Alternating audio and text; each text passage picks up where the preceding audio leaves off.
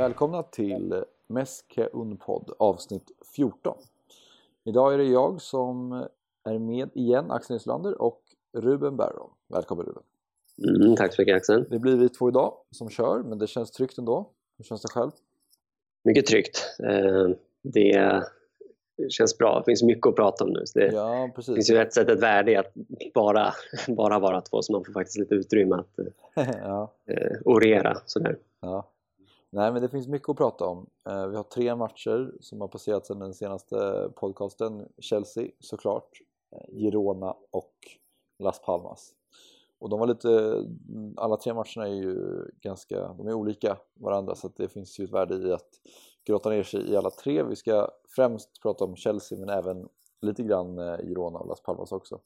Mm. Sen så kommer vi senare också prata lite om den diskussionen som förs i Barca led om Valverde och klubbens spelmässiga identitet kan man väl säga och um, hur, vad, vad den egentligen är och hur den förhåller sig till Valverdes sätt att spela och om han har eh, tagit sig för långt därifrån. Det råder ju lite olika odelade meningar om. Mm. Och avslutningsvis så ska vi prata om lite transferrykten som ju verkar vara, vissa av dem verkar vara mer än rykten och verkar ju vara nära nu med till exempel Griezmann. Men eh, vi återkommer till det. Mm. Men vi börjar med Chelsea borta 1-1 i Champions League. Eh, spontana tankar kring den matchen? Ja, precis. Nej, men, eh, först och främst känner jag väl att det blev en ganska så förväntad eh, matchbild. Eh, framförallt rent taktiskt. Ja, vi, vi på förhand var ju alla ganska överens om att det skulle bli en menar, att Barca skulle mönstra eller att Valverde skulle mönstra sin lite mer defensiva startelva och det gjorde han mycket riktigt och mm. de spelade ju förhållandevis avvaktande ändå, vilket ju inte heller var oväntat i och med eh, men, eh, det faktum att det var bortaplan och sådär. Men med det sagt så känner väl jag lite, jag vet inte hur du känner, men jag känner väl att de trots det ändå gick före lite grann. Framförallt Busquets liksom försökte ju bryta linjerna ganska ofta. Så där. Jag känner att mm. liksom de flesta har nu, som surret har gått kring matchen så känns alla ganska överens om att Barca var ja, men, på gränsen till fega i, i sättet de tog sig an matchen. Och det, ja, det är klart, till viss del håller jag med om det, men jag tycker väl med det sagt att Mm. Jag, jag minns där och då när jag såg matchen så tänkte jag att fan Barca går före faktiskt lite mer än vad jag trodde de skulle gå före. Mm. Alltså, de gick inte före jättehårt, det är inte det jag menar, men de försökte faktiskt bryta linjerna och hitta Messi i fickorna där i ganska hög utsträckning. Framförallt då som sagt Busquets till Messi. Liksom. Det var jag ja ja, men lite, lite överraskad om. Jag håller, över. Jag håller med. Alltså, startuppställningen var ju ganska defensivt präglad och det märkte mm. man ju i vissa delar av planen. Alltså till exempel eh, Paulinho fick ju inte mycket uträttat. Men generellt sett spelet och, och grundspelet tycker jag också var mer offensivt än vad jag hade väntat mig. Eh, Barca tog mer kontroll över matchen ganska direkt eh, och verkligen rullade runt och rullade runt relativt högt upp på offside mm. planhalva. Och visst, Chelsea låg ju lågt så de visste att det skulle ske men eh, jag menar, vi har ju sett andra matcher i La Liga där vi har mött mycket sämre lag och inte lyckats med samma så att jag, jag blev positivt överraskad problemet var väl främst att eh, inte lyckades skapa så mycket. Alltså, Nej. det var ju, eh, bollinnehavet var ju, ska se om det var 75 25 kanske. Eh, åtminstone övervägande Barca. Vilket man kanske hade kunnat vänta sig men, men att det skulle vara så mycket trodde väl jag kanske inte riktigt. Sen var ju Chelsea fortfarande väldigt farlig när de kom upp och defensiven såg lite instabil ut från och till. Men eh, generellt sett så håller jag med dig om att eh, positivt överraskad till eh, inställningen och matchens eh, utförande. Sen så hade vi ju som sagt svårt att skapa lägen och det mm. har vi haft några gånger nu den här säsongen. Så jag, det är väl det som är orosmolnet främst skulle jag säga. Mm. Nej precis, jag håller med om det. Och det, det är två delar. Det är först och främst håller jag, håller jag med om att det, man fick ju inget uträttat. Men, men just det där rent, som du säger, rent taktiskt hur man tog sig an matchen. Så jag, jag, med tanke på hur lågt de faktiskt spelade Chelsea, och de spelade ju ruggigt lågt, så såg jag väl framför mig hur Barca skulle ja, men var, ganska, var relativt nöjda med att handboll spela sig igenom matchen och ta typ 0-0 och sådär. Men de, som, som, som sagt, de, de gick ju före lite grann. Men, men sen del två är just att det, det märkliga är att man på en och samma gång var nöjd med matchen och sättet de tog, tog sig an ja. eh, tog sig an matchen rent taktiskt. Men, men med facit hand så skapade man faktiskt inga målchanser som du säger. Och det, alltså, det... det är ju, alltså Chelsea är ju, är ju, väger man ihop antalet chanser så är Chelsea mycket närmare segern. Mm. Eh, och så tillvida gör ju Barca en, en Ja, men de gör inte en tillräckligt bra match. Eh, men å andra sidan så känner jag faktiskt att, att ja, men jag, var, jag var nöjd med matchen. Jag tycker de spelmässigt och de, de, de, eh, Chelsea var ju så otroligt effektiva i de chanserna de fick så, så det, det handlar snarare om det än att Barca släppte till så många målchanser. För jag tyckte faktiskt att Barca kontrollerade matchen riktigt bra. Alltså, både med bollen och utan bollen. Eh, sådär. Så det är just de här William-grejerna som, som omkullkastar ens, ens bild av, av matchen. Men ja. nej, i stort sen, så var jag, jag, var, jag var nöjd faktiskt. Alltså, sen målet som görs är ju ett Chelsea-misstag så att om Christensen mm. istället skulle rensa till det läget så kanske det skulle blivit 1-0 och då hade man ju verkligen varit missnöjd med, med resultatet. Mm. Men frågan är om man fortfarande kanske hade varit hyfsat nöjd med spelet. Alltså, mm. resultatet är man ju också jättenöjd med nu men utfallet av, av, av, matchen som det såg ut så får man ju vara nöjd men det hade ju kunnat bli eh, väldigt, väldigt mycket sämre. Eh, så man får ju ändå säga att det var lite tursamt det som, framförallt målet då. Men det är svårt, ja, det, det, det är som du säger, man är ju lite delad. Man, Chelsea har ju fler chanser och skapar mer och bara skapar inte så mycket. Ändå är man någonstans ganska nöjd med spelet för det är väl mer kontrollerande än vad man har sett tidigare kanske, vad man hade kunnat förvänta sig. Ja, Men eh, returen då? 1-1 mm. är förutsättningarna. Om Barca bara lägger sig på defensiven så är de vidare via bortamålsregeln. Eh, hur tycker du att Barcelona och Valverde ska ta sig an eh, returmötet? Ja, det blir väl just en fråga om eh, och det är väl det du är ute efter. Det blir väl en fråga om, om balansen, huruvida man ska vrida upp balansen och spela med en, eller mönstra den lite mer offensiva startelvan med en, en, en höger mittfältare snarare än, än en eh, innermittfältare. Och, och det, det är så otroligt svårt. Jag, jag, jag ska inte säga att jag, jag har något tydligt svar på den frågan men jag, jag känner väl att det, det, finns en stor risk i att spela med eh, alltså spela med den offensiva balansen. Det är klart att vi, vi, vi ska ju definitivt inte ligga på latsidan och, handbollsspela oss eh, till avancemang men, men med det sagt så att döma av säsongen hittills så har vi ju faktiskt vid, blott vid ett par, tre tillfällen lyckats riktigt bra när vi har vridit upp balansen och mot bakgrund av det så känner jag väl att det, jag både känner och tror att, att han kommer att mönstra den lite mer stabila elvan. Mm. Eh, och sen lita på att eh, Suarez och Messi får hål på Chelsea. Men, men det känns ju långt ifrån eh, färdigt såklart. Och, mm. och det, men, men för att svara på din fråga, jag, jag tror väl att jag tror snarare på den, den mer defensivt betingade elvan. Mm. Definitivt. Så. Ja, det känns väl som att det skulle kunna vara nästan en identisk elva som mm. bortamötet då. Mm inte helt oväntat om det skulle, skulle bli så. Nej men jag, eh, jag håller väl med och det känns som att jag vet inte om man skulle göra några förändringar. Alltså med tanke på att Dembélé har haft det väldigt tufft eh, under de matcher han har spelat och inte fått ut särskilt mycket av sitt spel så känns det inte som att han kanske ska in där och just med tanke på att Barcelona faktiskt just i detta nu är vidare via det här resultatet så känns det också kanske ändå rätt att, att bygga bakifrån så att säga. Mm. Ehm, så att jag skulle inte bli förvånad och inte helt onöjd heller. Jag tycker det känns sunt att, att välja samma elva som, som på Stamford Bridge. Just också för att de känns ganska samspelta vid det här laget. Mm. Ehm, de spelarna och det känns ju som att det är en så pass viktig match, kanske säsongens viktigaste eh, so far. Och eh, då mm. vill man ju inte rucka på, på balansen eller göra några, något liksom oväntat eller, eller svårt. Men Nej. det man får hoppas, det som du säger och är inne på det här med att rida upp balans och så, är att eh, Valverde förhoppningsvis successivt kan börja göra det. Och vi såg det ju mot Las Palmas till exempel, äh, förlåt, Girona eh, till mm. exempel som vi ju ska prata om. Eh, och förhoppningsvis så kan han göra det oftare och laget kan också anpassa sig efter det.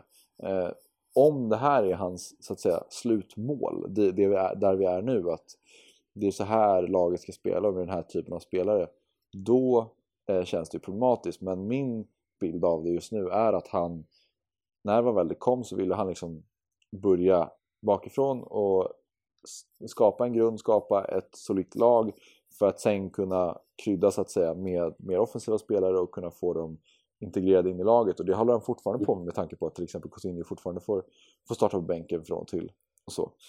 Mm. Så det mm. känns ändå okej. Okay.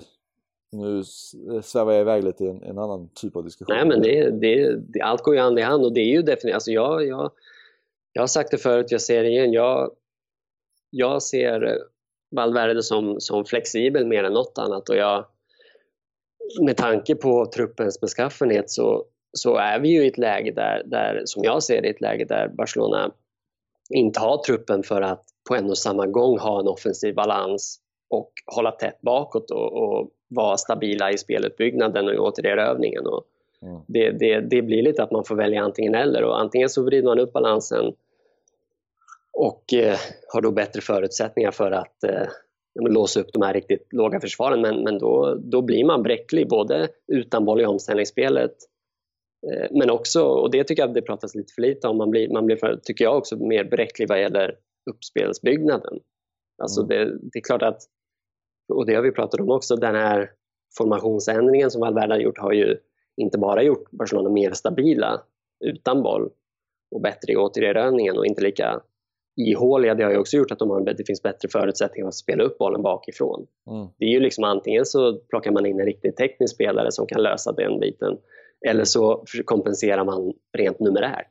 Mm. Det är ju det Valverde har gjort. Så, nej, jag, jag ser det som att Valverde inte haft något val. Och vi ska ju, vi ska ju som du säger, vi ska komma in på Valverde och den taktiska biten lite senare men, men jag håller med dig helt och hållet. Det, det, det, till förutsättningar så tycker mm. jag han, han men som sagt, han har inte haft något val. Han måste välja en av de två vägarna. Och mm. Det gäller i allmänhet och det, det, kommer, det gäller inför Chelsea-matchen också.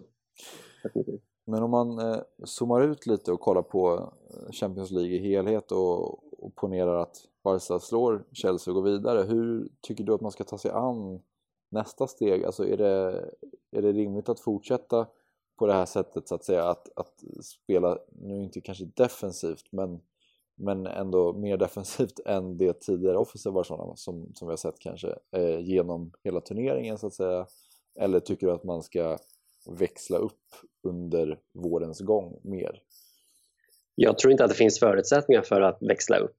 Jag tror det är som, som du, du nämnde, nämnde förut, jag tror det, det är en fråga om då får man ju anlägga ett lite mer långsiktigt perspektiv och börja ja. prata om hur ska klubben bygga laget och för att de på sikt ska kunna vrida upp den här balansen lite mer permanent. Men jag tror sett till den här säsongen så, så då tror jag det här är vägen, alltså att man måste välja. Vi kan inte tangera hela spektrat som, som truppen ser ut nu.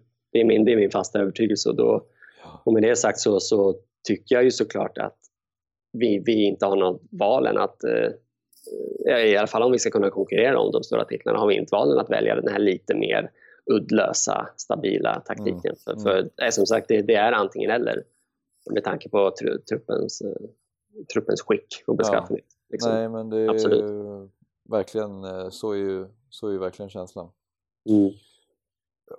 I, uh, I framtida CL då, om vi skulle gå vidare, har du någon, någon motståndare som du känner att du gärna undviker slash gärna möter? Ja, alltså det finns ju, min allmänna känsla är väl att det finns fler, alltså betydligt eh, mycket fler lag som faktiskt kan konkurrera på riktigt men att höjden är lite lägre eh, mm. i jämförelse med tidigare år. Sådär. Men det är klart att det, det, City måste man ju nämna, de ser ju väldigt bra ut och jag har, det skulle ju bli en väldigt rent taktiskt en väldigt intressant match om de ställdes eh, head to head. Sådär. Men, men men jag tror rent taktiskt är jag väl kanske ännu mer rädd för de här lagen som är bekväma med att ligga lite lägre och ställa om. Jag tror till exempel att Bayern München blir tuffa som fan. Alltså, de Liverpool har ju, det lite... känns ju som att man inte vill möta på något sätt. Liverpool, de är ju, det är ju en outsider men rent taktiskt är de definitivt. Alltså, jag skulle... Jag vill väldigt gärna undvika dem. Mm. Sådär. Eh, eftersom, om man fokuserar på det rent taktiska. Mm. De har ju förutsättningar för att kontra sönder vilket lag som helst, i synnerhet oss. Men, ja Men sen Juventus, ja det är klart de har inte sett så bra ut. Nej. Och vi slog ju dem och det, det, det så tillvida känns det ju inte... Hur känns det att möta Real då om de skulle slå ut PSG? Ja, jag möter ju hellre Real än PSG. Alltså mm. för att... Det gör jag också eh, faktiskt. Om det, ja, alltså jag tror att PSG har, har ett... Eh, jag har svårt att se, att det har jag ju nämnt tidigare någon gång när vi pratade om just eh, Real PSG, men att jag tror att jag har svårt att se att PSG med de spelare de har inte skulle få hål på Barca. Nu har i och för sig Neymar gått sönder, det förändrar ju saken ja. lite grann, men det, det, finns ändå spelare. Jag menar, Di Maria är ju en väldigt bra spelare. Mm. Och det är väl, så jag menar, det, de har ju bredd minst sagt. Så, nej, det finns många lag som man är rädd för och jag, jag tror väl inte för att ta vid eh, eh vid den, den rent taktiska diskussionen kring Barca så tror väl inte jag att det är klart att favoritskapet är rättfärdigat så tillvida att vi har gjort en så bra höst, gjort en så bra sång och är obesegrade och så vidare. Men jag, jag, jag tror väl inte, jag tror att nålsögat för att vinna CL för oss mm. är ganska litet i år. Mm. Eh, jag tror inte vi, som sagt, jag tror att vi kommer vi kommer inte falla igenom som förra året i och med Valverdes eh, pragmatism, men jag tror, vi tror, jag tror att vi kommer ha svårt att eh, jag tror den uddlösheten som går hand i hand med det kommer, är lite för stor. Jag tror inte vi kommer få hål på Nej, de riktigt bra lagen. Det var lite det som var känslan mot Chelsea, för Chelsea är ett bra lag men de är fortfarande, det hackar för dem i Premier League och de torskar mot United och det, det är inte så att de har, har någon supersäsong bakom sig och, och redan där så ser det riktigt krampaktigt ut, alltså rent chansmässigt och just den uddlösheten du är inne på. Så det, mycket ligger ju på att det ska ske eh, individuella prestationer från i synnerhet Messi men kanske mm. Suarez också.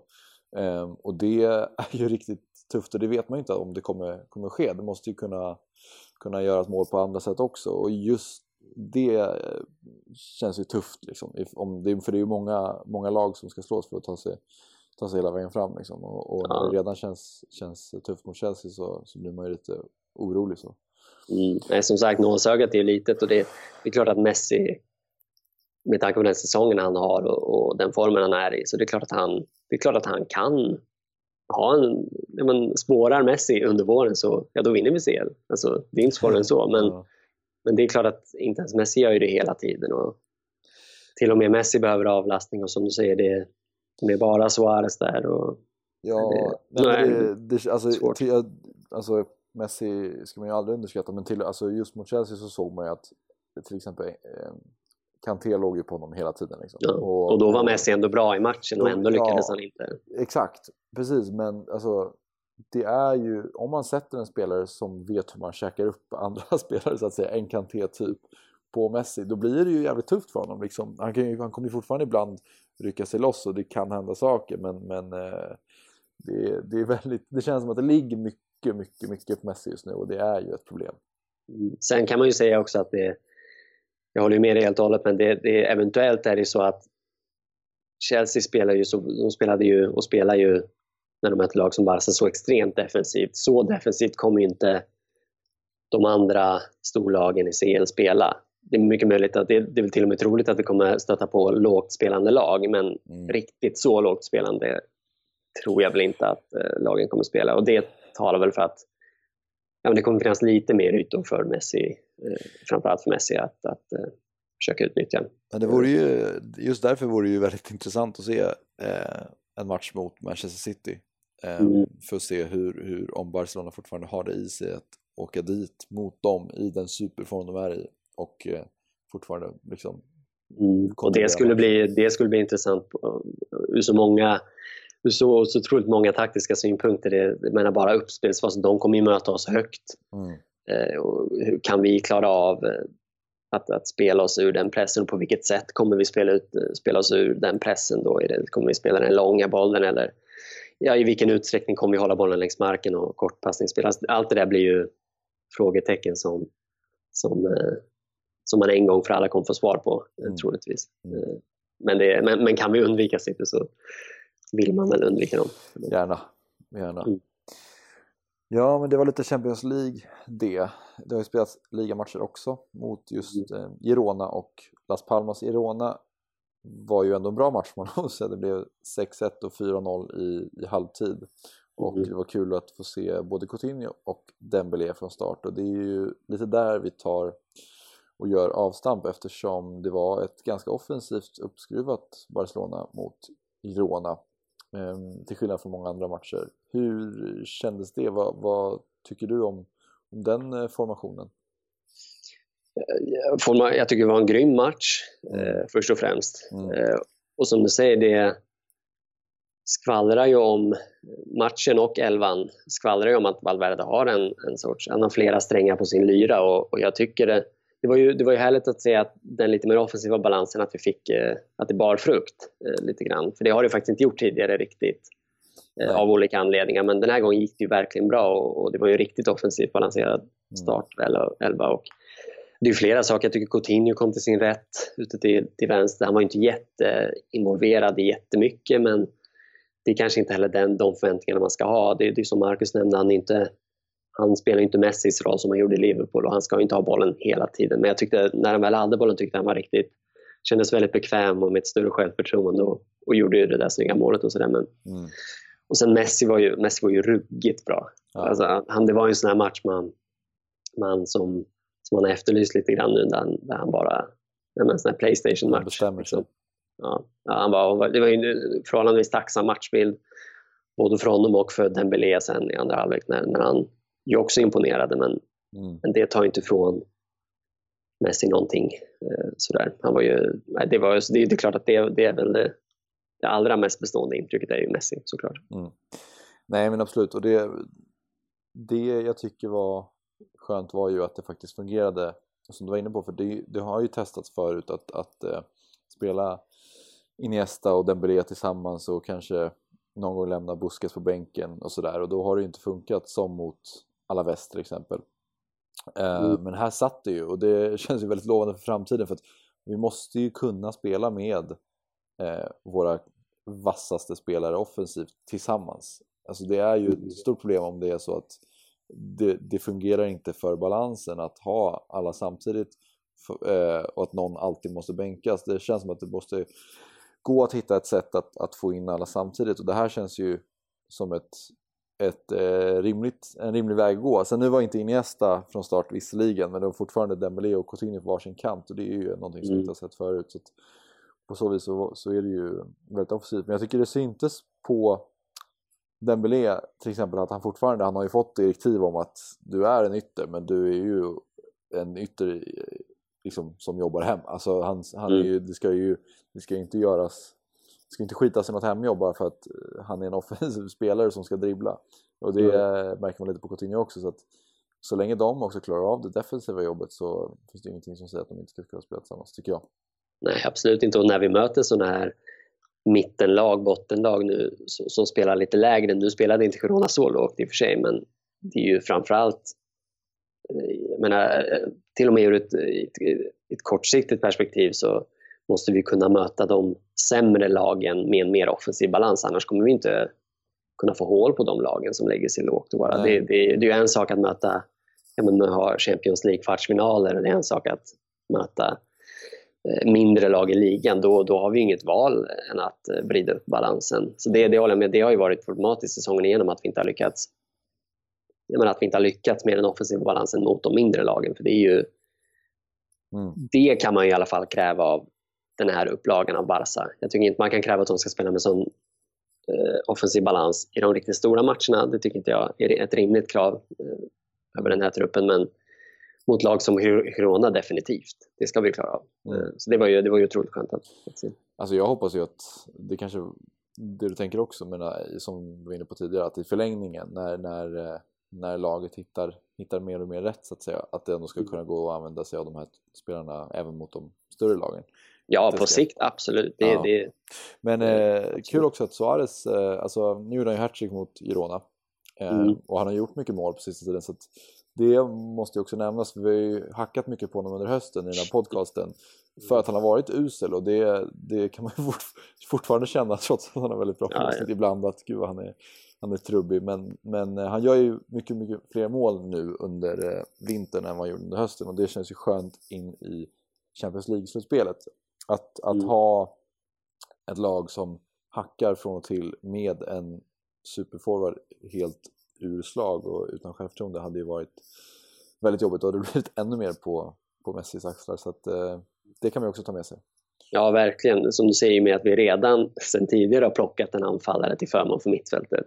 Mm. Och då på det en, en Suarez urform, det, har ju, det hade ju varit käftsmällen tror jag eh, nu till våren om han hade varit ur slag mm. fortfarande. Men, eh, men sen är det så kring Suarez, det, det är ju nu som du säger, målskyttet är ju igång igen men han, han är ju lik förbannat frustrerande och ja, jag, det är lite dubbel, jag har alltid lite dubbla känslor kring honom. Det, å ena sidan tycker jag det är helt övertygad om att han, det jobb han lägger ner och det arbete han lägger ner för laget i form av löpningar utan boll och i pressspelet och ja, det uppoffrande spelet att det, det ger Barcelona väldigt mycket eh, och det ger, det, det ger honom väldigt många mål. Men det är klart att man ibland, eller jag ibland leker med tanken att ja, men hur skulle det se ut om vi hade en, en annan nia?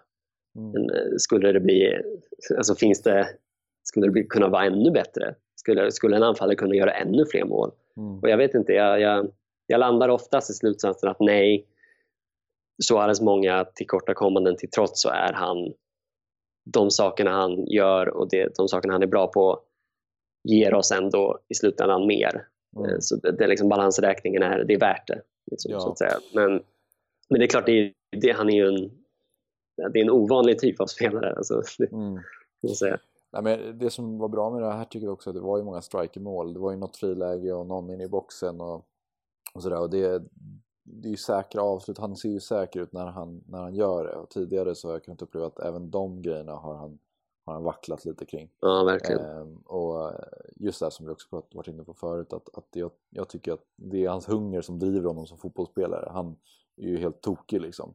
Mm. Och, och, det gör ju också att han skulle kunna gå 20 matcher utan mål. Han skulle fortfarande vara lika hungrig när, när det kommer upp ett, ett nytt läge. Lite mm. samma som, som man kan dra parallell till Cristiano Ronaldo eller Diego Costa eller de, ja, de här största målskyttarna. Mm.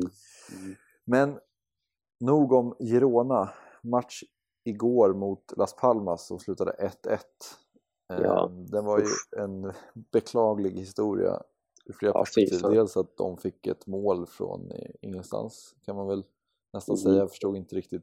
Jag satt och jag förstod ingenting alltså, när, när det väl hände. Det känns som väldigt förvirrat. Kommentatorn, eh, alla som liksom kollat matchen, ingen förstod riktigt var, var är den här straffen någonstans.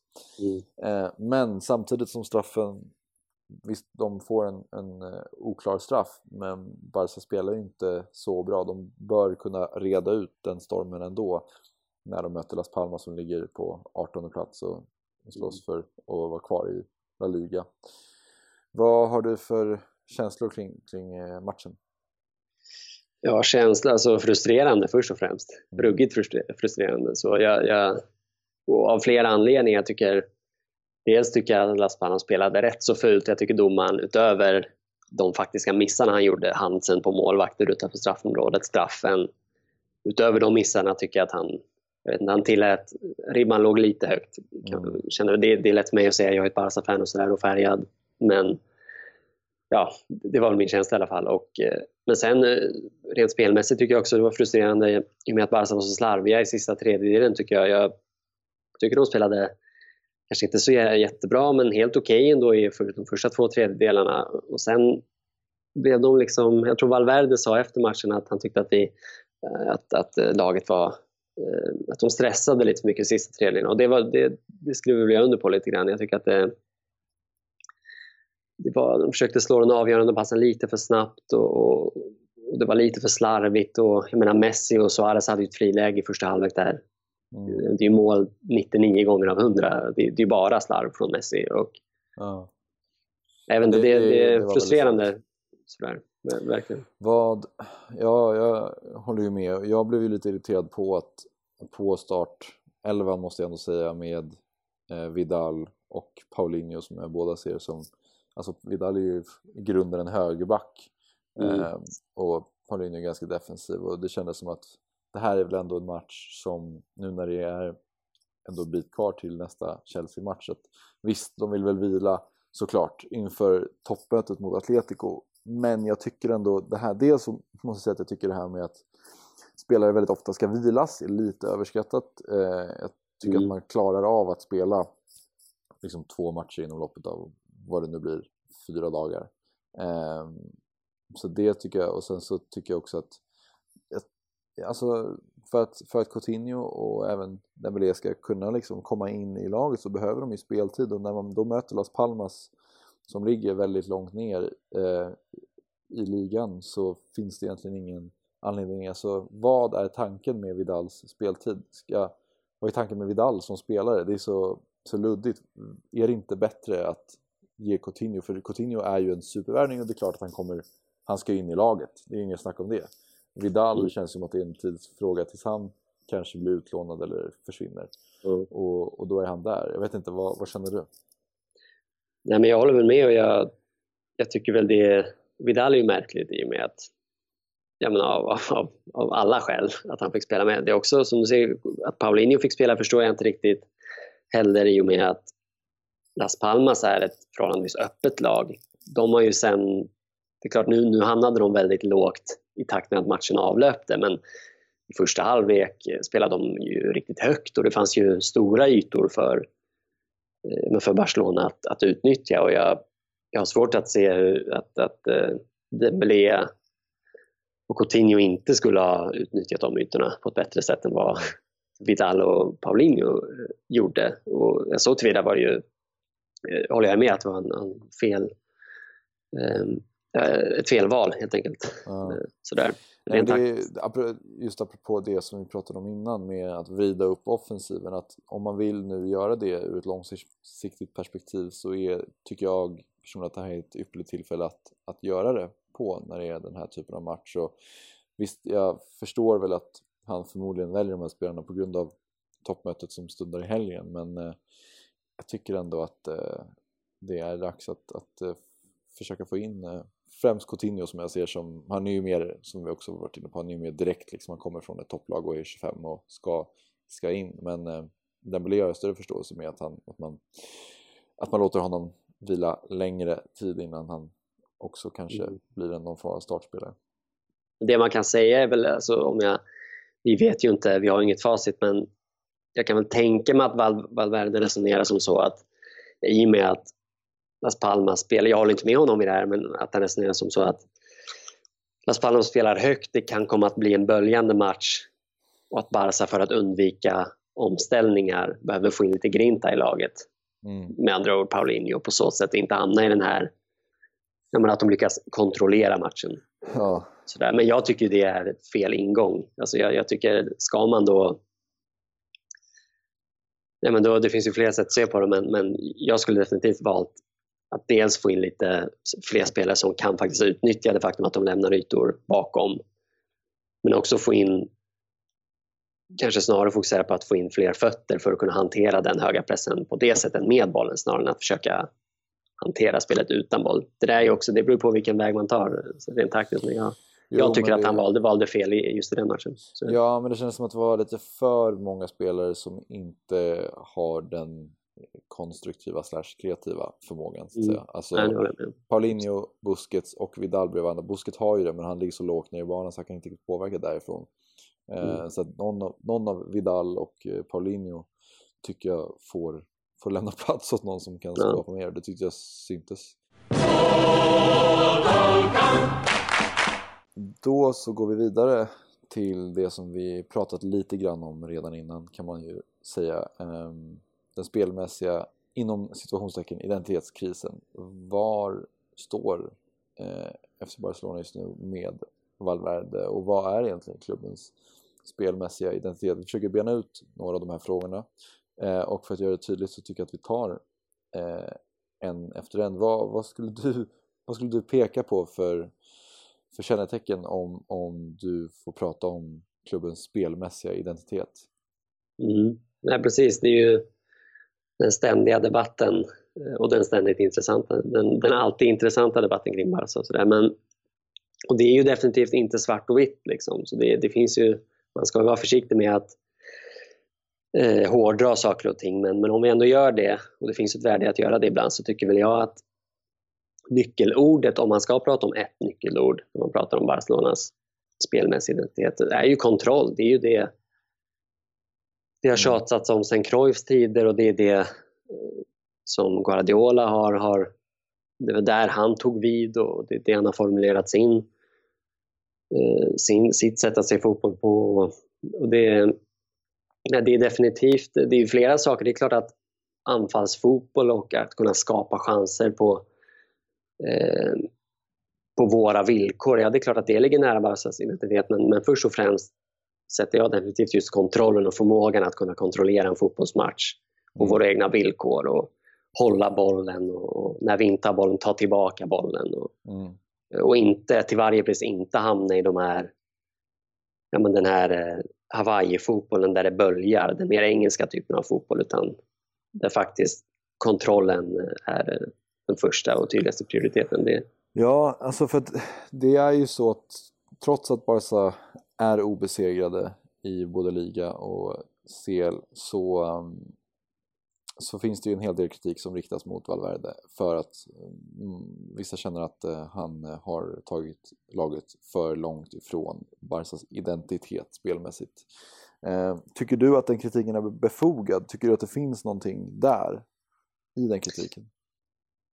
Ja, alltså det, det finns ju något där. Det, alltså alla, och det, det som du säger, i takt med att säsongen avlöper och Valverde gör sitt avtryck så börjar det ju nu formuleras någon typ av eh, sanning kring eh, vilken typ av lag det här Barcelona är och vilken typ av tränare Valverde är. Och, och det är klart att det ligger något i att Barcelona har blivit mer pragmatiska och mer defensiva. Vi har ju, det har vi pratat om hundra gånger, till och med i det här avsnittet, de har ju bokstavligen plockat en anfallare, tagit ner på mittfältet. Vi har typ 5% mindre bollinnehav i snitt. Vi är mer bekväma med att inte ha bollen. Vi tar inte lika stora risker rent numerärt och rent spelmässigt i offensiven. Så tillvida är vi ju mer defensiva.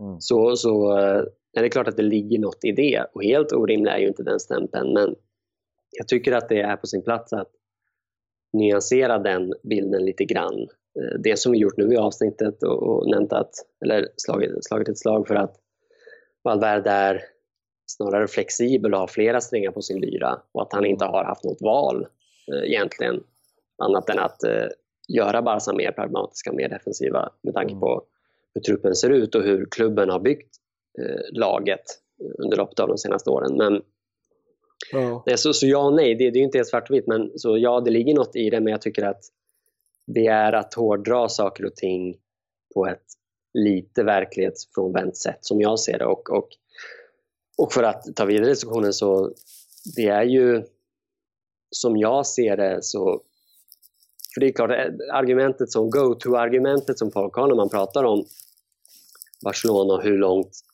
vi kan förflytta oss från vår identitet är just det att jag hellre komma sjua i ligan och spela på ett sätt som ligger nära vår identitet än att vi vinner ligan och spelar på ett sätt som inte eh, rimmar med Barcelona. Och det, det argumentet skriver jag under på. Det tror jag du också det. Det tror jag vi alla gör. Mm. Men det är ju frågan huruvida den här upplagan eller Barcelona i skrivande stund hur långt de har förflyttat sig från identitetsramen. Och jag, som jag ser det befinner vi oss alltjämt innanför identitetsramarna, definitivt. Ja. Jag, om man jämför med till exempel, och det har jag varit väldigt tydlig med, att jag jämför man med Enriques Barca, framförallt sista säsongen, så tycker jag att det här är ett rent spelmässigt då, är, är ett steg ja. ja. det är mycket närmare. Ja. Alltså, det är klart att jag är lite mer defensiv även, men det, vad gäller uppspelsfas och mm. återerövring och kontroll av, av matchbilden så ja, jag, jag liksom tycker att Valverde har gjort ett grymt jobb mm. ur, en, ur en identitetssynpunkt. Sen finns det ju tillkorta, det här laget har ju tydliga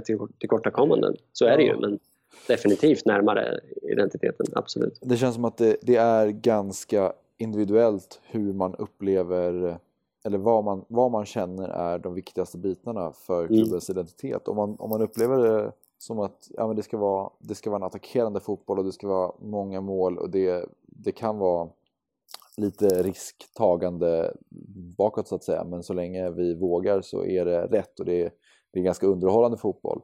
Då kan man förstå de personer som tycker att där är vi inte riktigt längre. Mm. Vi är någon, Nej, det... någon enstaka match. Men, men då fattar man ju den kritiken. Men, men jag är väl mer åt ditt håll, att min, min, mitt Barca är det Barcelona som, som kontrollerar matcher och, och bestämmer och, och verkligen eh, för, för matchen oavsett vilka man möter, oavsett om det är hemma eller bortaplan och just det som vi var inne på, att det gör vi fortfarande mot Chelsea borta som är en stor engelsk klubb och när man gör det mot en, ett så pass bra lag då har man inte lämnat det identitetsskeppet riktigt än, tycker inte jag heller. Och mm. min förhoppning och min tro är ju att eh, Valverde givetvis har en förståelse för det här och han har ingen ambition att lämna det. Han vill, som vi pratade om innan, bara grunda och skapa ett mer stabilt lag för att sen kunna utveckla det och spela mer och mer offensivt ju, ju mer tid som, som lider. Eh, och det är ju det är min förhoppning och det är, det är därför jag känner att eh, jag har en, fortfarande en, en stark tro till eh, Valverde so far. Och jag håller med dig om att under Luis, Luis Enriques tid så kändes det som att vi, vi mot slutet var närmare Real Madrid. Alltså man ställer ut 11 ja, skickliga fotbollsspelare på planen och så hoppas vi att det funkar och så är det lite Hawaii-fotboll och det kan bli 5-3 och det kan, det kan bli vad som helst egentligen. Men då, ju... var, då var jag redo att ta till det där hellre komma sjua argumentet. Ja. Där och då under, sista, under förra säsongen, då, då kände jag att, att det argumentet var rättfärdigat för första gången någonsin sedan jag började mm. Barcelona. Men jag känner inte att det argumentet är rättfärdigat nu. Nej. Nej men alltså om man kollar på det så det är fortfarande ett Barcelona som nere vid egen hörnflagga försöker spela sig ur pressen. Det är ju inte så att det är inga, inga långbollar utan det är samma typ av spel, samma typ av uppbyggnad, samma typ av vid bra matcher, handbollsanfallsliknande anfall och, och ja, men det, jag tycker att det finns fortfarande det är fortfarande samma, samma Barca men det är lite mer defensivt och det är inte lika mycket eh, risktagande i, i spelet. Nej, och det är ju, och det är ju, och var ska man då rikta kritiken? Ja, definitivt inte mot Valverde som jag ser det, det är ju mot klubben och det är där identitetskrisen ligger. Mm. Det är ju där, det handlar inte om ett, ett det är inte ett Valverde-problem där som jag ser det. det, det är definitivt ett klubbproblem och det faktum att vi har byggt laget över tid, att klubben har byggt laget på ett sätt som där vi nu står och tvingas eh, jag, jag tvingas spela på det här lite mer defensiva sättet. Så, och det, för så är det ju, vi tangerar ju inte alla Barca identitetsboxar riktigt. Nej. Men, men många, men långt ifrån alla. Men det är ju klubbens fel. Det är ju klubben som har inte har lyckats bygga laget på rätt sätt och försatt Valverde i den här situationen. Mm. Och det, är som jag, återigen, det, som jag ser det så har Valverde gjort Barcelona till det bästa möjliga laget med minsta möjliga förflyttning från identiteten. Mm. Det är en förflyttning, lite mm. grann. Men det har att göra med att vi inte har truppen nog för det. Och, och, och, jag tycker inte att, och den lilla förflyttningen tycker jag är inte så stor att det rättfärdigar det här ja men som sagt en, en snack om identitets, snack om en spelmässig identitetskris utan Mm. Vi befinner oss, trots den här lilla förflyttningen, inom ramarna för Barcelona. Mm. Och, och, definitivt i jämförelse med, med Enriques.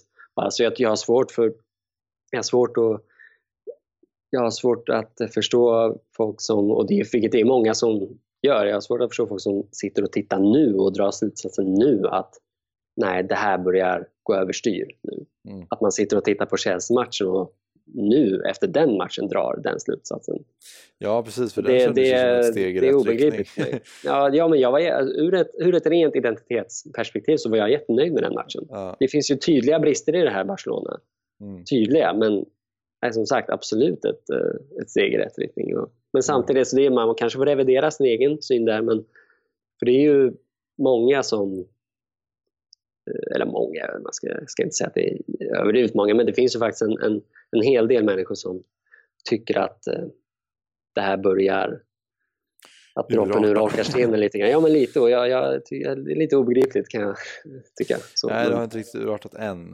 Eh, skulle jag inte säga heller. Men sen är det ju som du säger, det är klart att man förhoppningen är att klubben ska lyckas rätta till saker och ting och att man ska kunna på sikt tangera alla identitetsboxar så att säga rent spelmässigt. Och det är, ju, det är väl där, är ju, det är där farhågorna ligger. Att, att det är långt ifrån det vi pratat om i andra avsnitt när vi pratat om den, den lite mer, även den allmänna identitetskrisen och inte fokuserat så mycket på det spelmässiga. Det är klart det går hand i hand men, men mm. det är klart att klubbens förmåga att, att bygga det här laget på rätt sätt så att man även i framtiden kan tangera de här identitetsboxarna, ja, det är ju långt ifrån säkert. Mm. Där, där i ligger ju far, farhågorna. Mm. Och det här tar oss ju in på vårt eh, tredje segment för dagen egentligen med transfer och eh, Antoine Griezmann och Arthur, eller Arthur eller Arthur, jag vet inte exakt hur man uttalar det på, på, på portugisiska. Arthur, vi får se, vi får se. Eh, ja, det får vi göra. Men, men det jag främst tänkte på var just med Griezmann som är ju en väldigt offensiv kraft. Ska han också in i det här Barcelona, ja då måste man nog på något sätt lyckas skapa utrymme för eh, fler offensiva spelare på samma sätt. Eller på, mm. samma, på samma plan och i samma elva så att säga. Mm. Eh, vad tror du om just de här två spelarna, Antoine Griezmann och, och Arthur? Eh, ja, Arthur.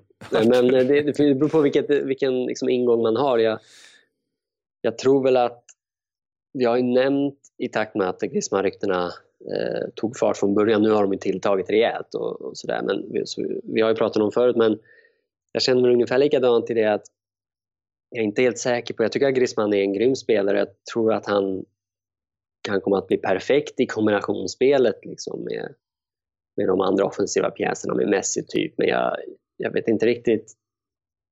Jag tror i och med att Suarez börjar bli gammal så tror jag väl att jag skulle väl snarare lagt ner pengar på en ny renodlad nia som kan bidra i det här spelet som vi pratade om nyss i det uppoffrande löpspelet utan boll och pressspelet. Och en sån typ av spelare är väl inte Griezmann riktigt eh, sådär. Men, men så det är, lite, det är lite dubbla känslor kring det. Och, men sen är det också som du säger, rent taktiskt och balansmässigt så ja, ska vi få in honom, ja då vill det till att vi bygger laget på ett sätt där vi kan, kan spela med lite mer Guardiola-balans. Eller med, en, med mer offensiv balans och inte falla igenom därmed. Och det bygger på att vi får in ja, men en, fler fötter på, på, offensiv, eller på mittfältet så vi slipper plocka ner en anfallare. För den ekvationen går inte ihop om vi ska ha plats med alla, som du säger, alla offensiva stjärnor. Och, mm. och då tycker jag väl att Arthur, om vi nu får kalla honom det, eh, är en spännande typ. För jag, mot bakgrund av att det inte finns den här, de givna talangerna underifrån. Alenia är bra, men jag, ja, är han, jag tycker han är väldigt bra till och med. Men är han tillräckligt bra? Är han rätt typ? Ja, det, det är ju oklart. Mm. Liksom. Men Arthur är ju för den som har eh, för den som inte har så bra koll, så jag har inte heller så bra koll, det är ju Youtube-scouting YouTube, som gäller. Men, men, han är en typ, så han har definitivt Xavi-egenskaper. Det är det att han kan hantera, av allt att döma kan hantera de flesta typer av press. Liksom. Väldigt bolltrygg och väldigt, men på samma gång är han mer kraftfull och bidrar ja. i defensiven på ett sätt. Så, det, så, så på så sätt kan jag tycka att det är en, en bra typ att få in om man vill vrida upp balansen lite grann. Få in en spelare som dels kan på egen hand hantera ganska hög press och hantera olika typer av bollinnehav men också som kan ja, lite mer grinta än Xavi hade.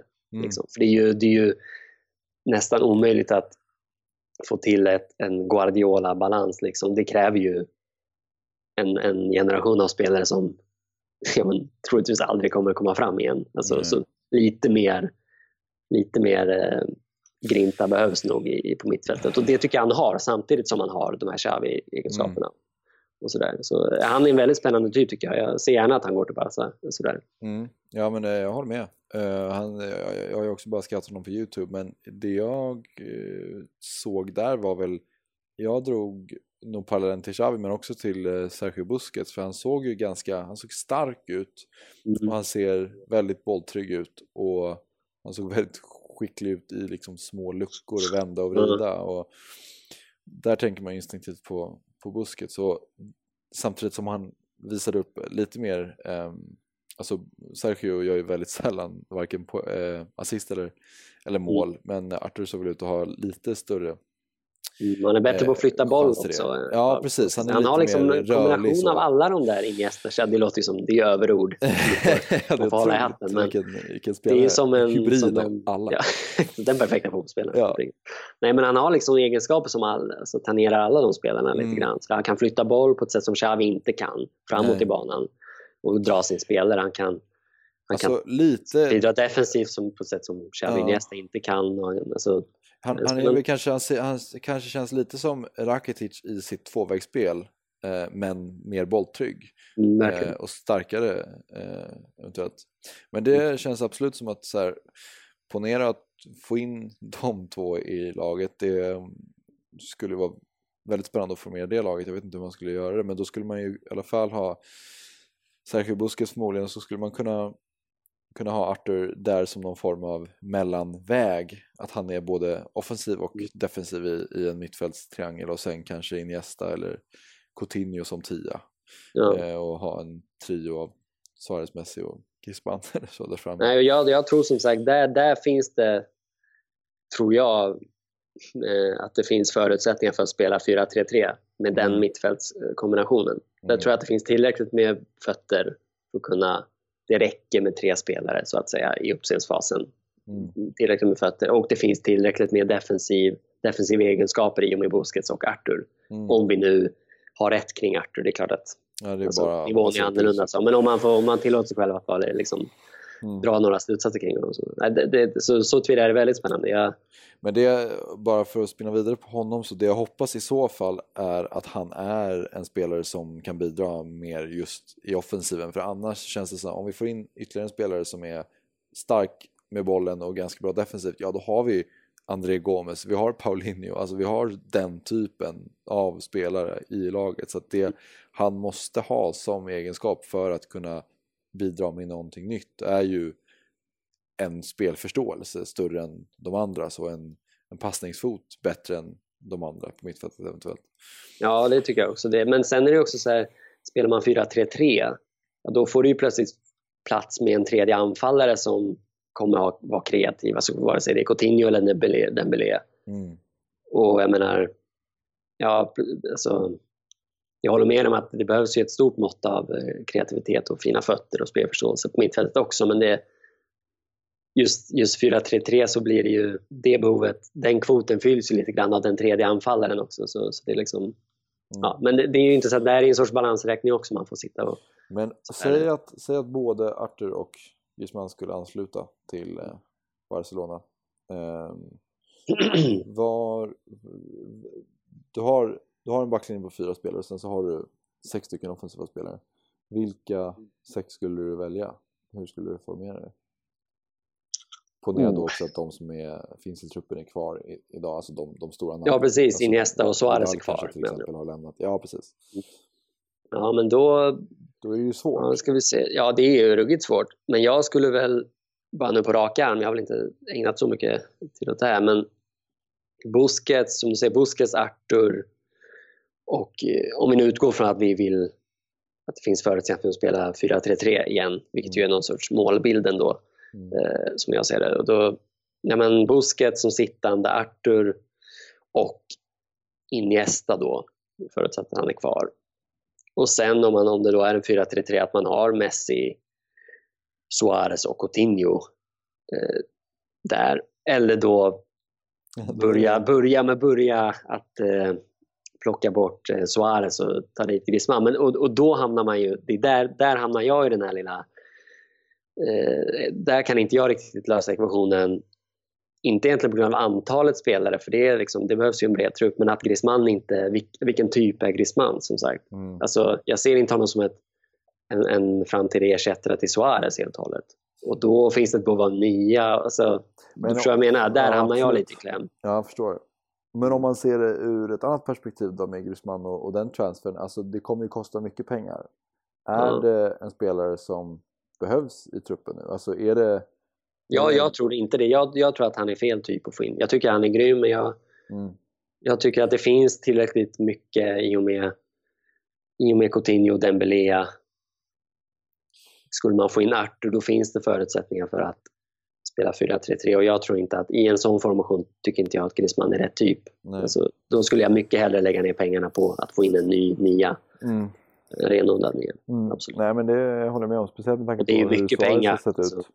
Om, om Griezmann kommer in då får det bli någon form av eh, Spanien 2010 eller vad det var som spelade utan, utan anfallare med Fabregas som Det ska man vara försiktig med. Det, det som vi pratade om, Suarez är, han må vara provocerande som fan men de egenskaperna han har behövs. Alltså ja. jag, det är jag helt övertygad om att det behövs någon som lägger ner den typen av arbete. Ja, rent på planen, men alltså den mentalitet han har. Man ja, exakt. kan ju hata honom, men han är en vinnarskalle som ser till att, att matcher vinns i, i, i vissa fall. Liksom.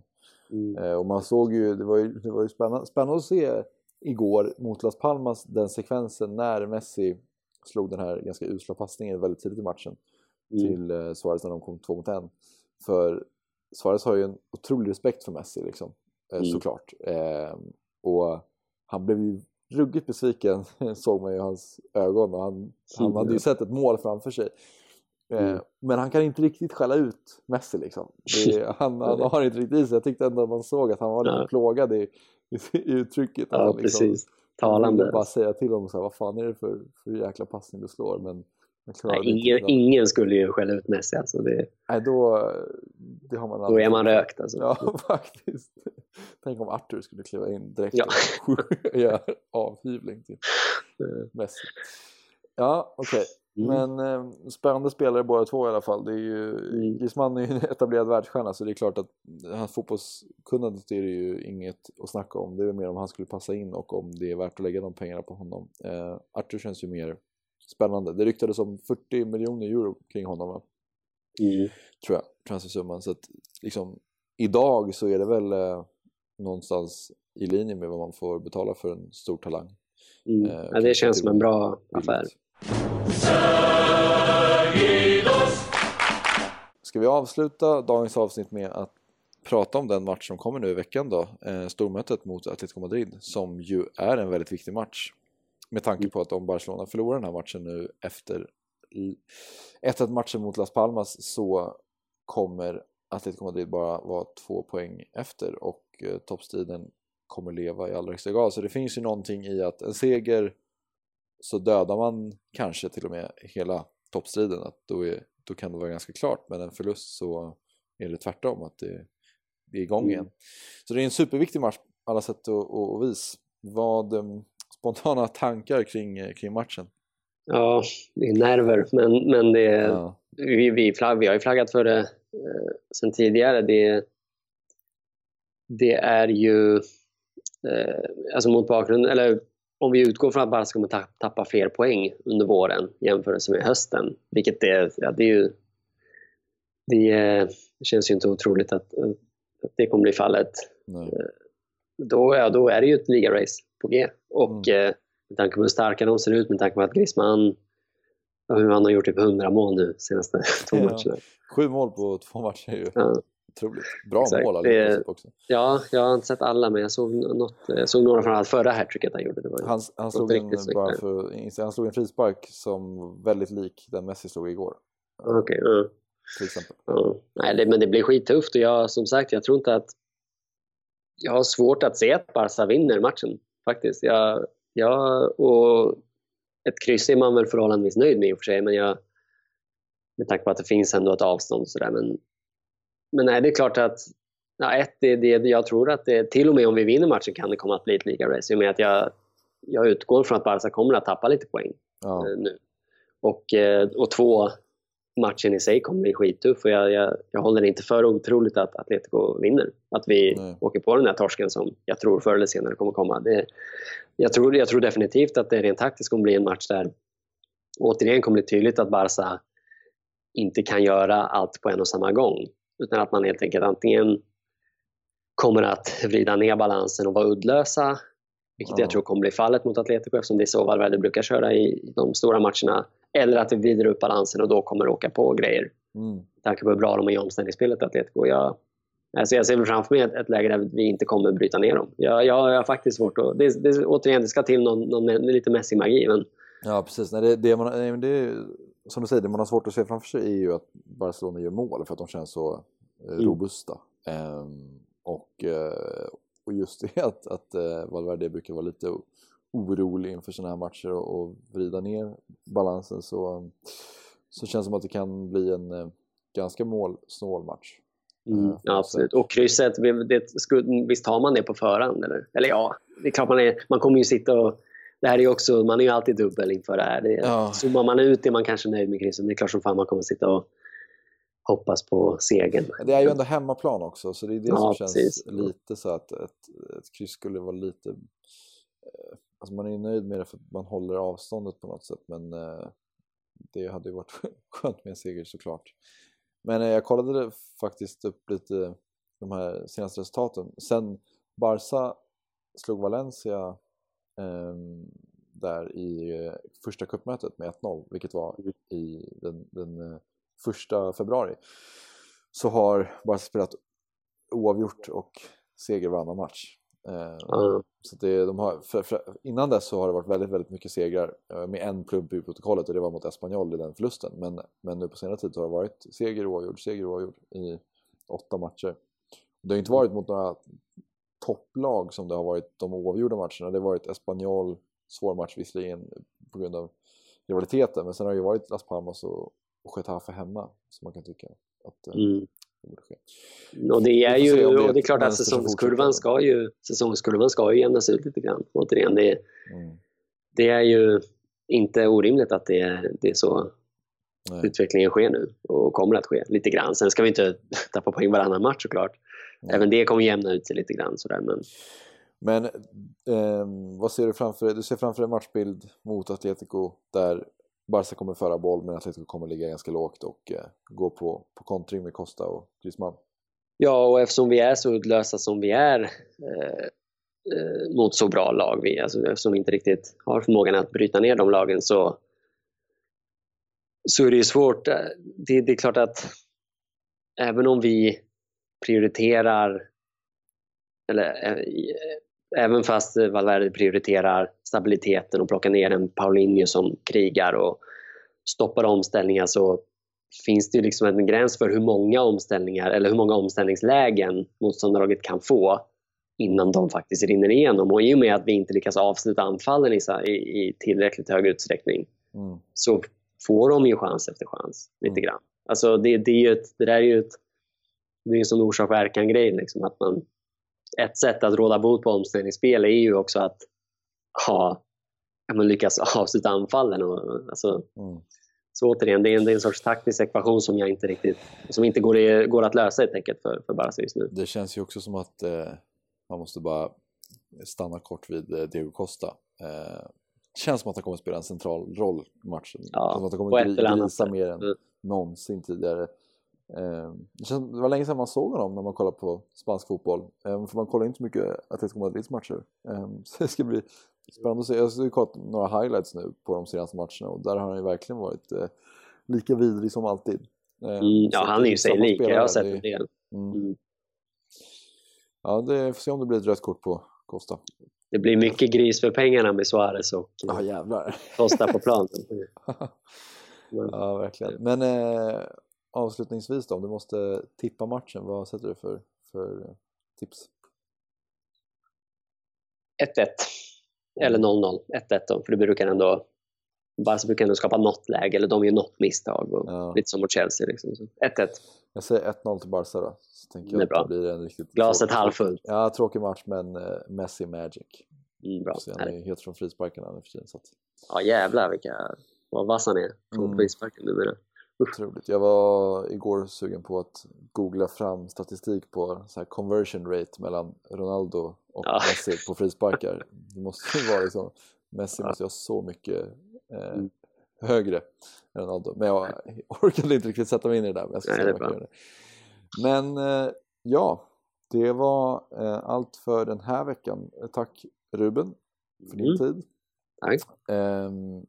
Så som alltid så, så får ni gärna höra av er till oss. Våra kontaktuppgifter finns på Svenska Fans sida där på redaktionen. Så ser ni vår mejladress. Så att, eh, hör av er om ni har några tankar eller frågor eller eh, någonting annat som ni vill lyfta. Så ses vi igen om två veckor. Ha det fint! Ciao!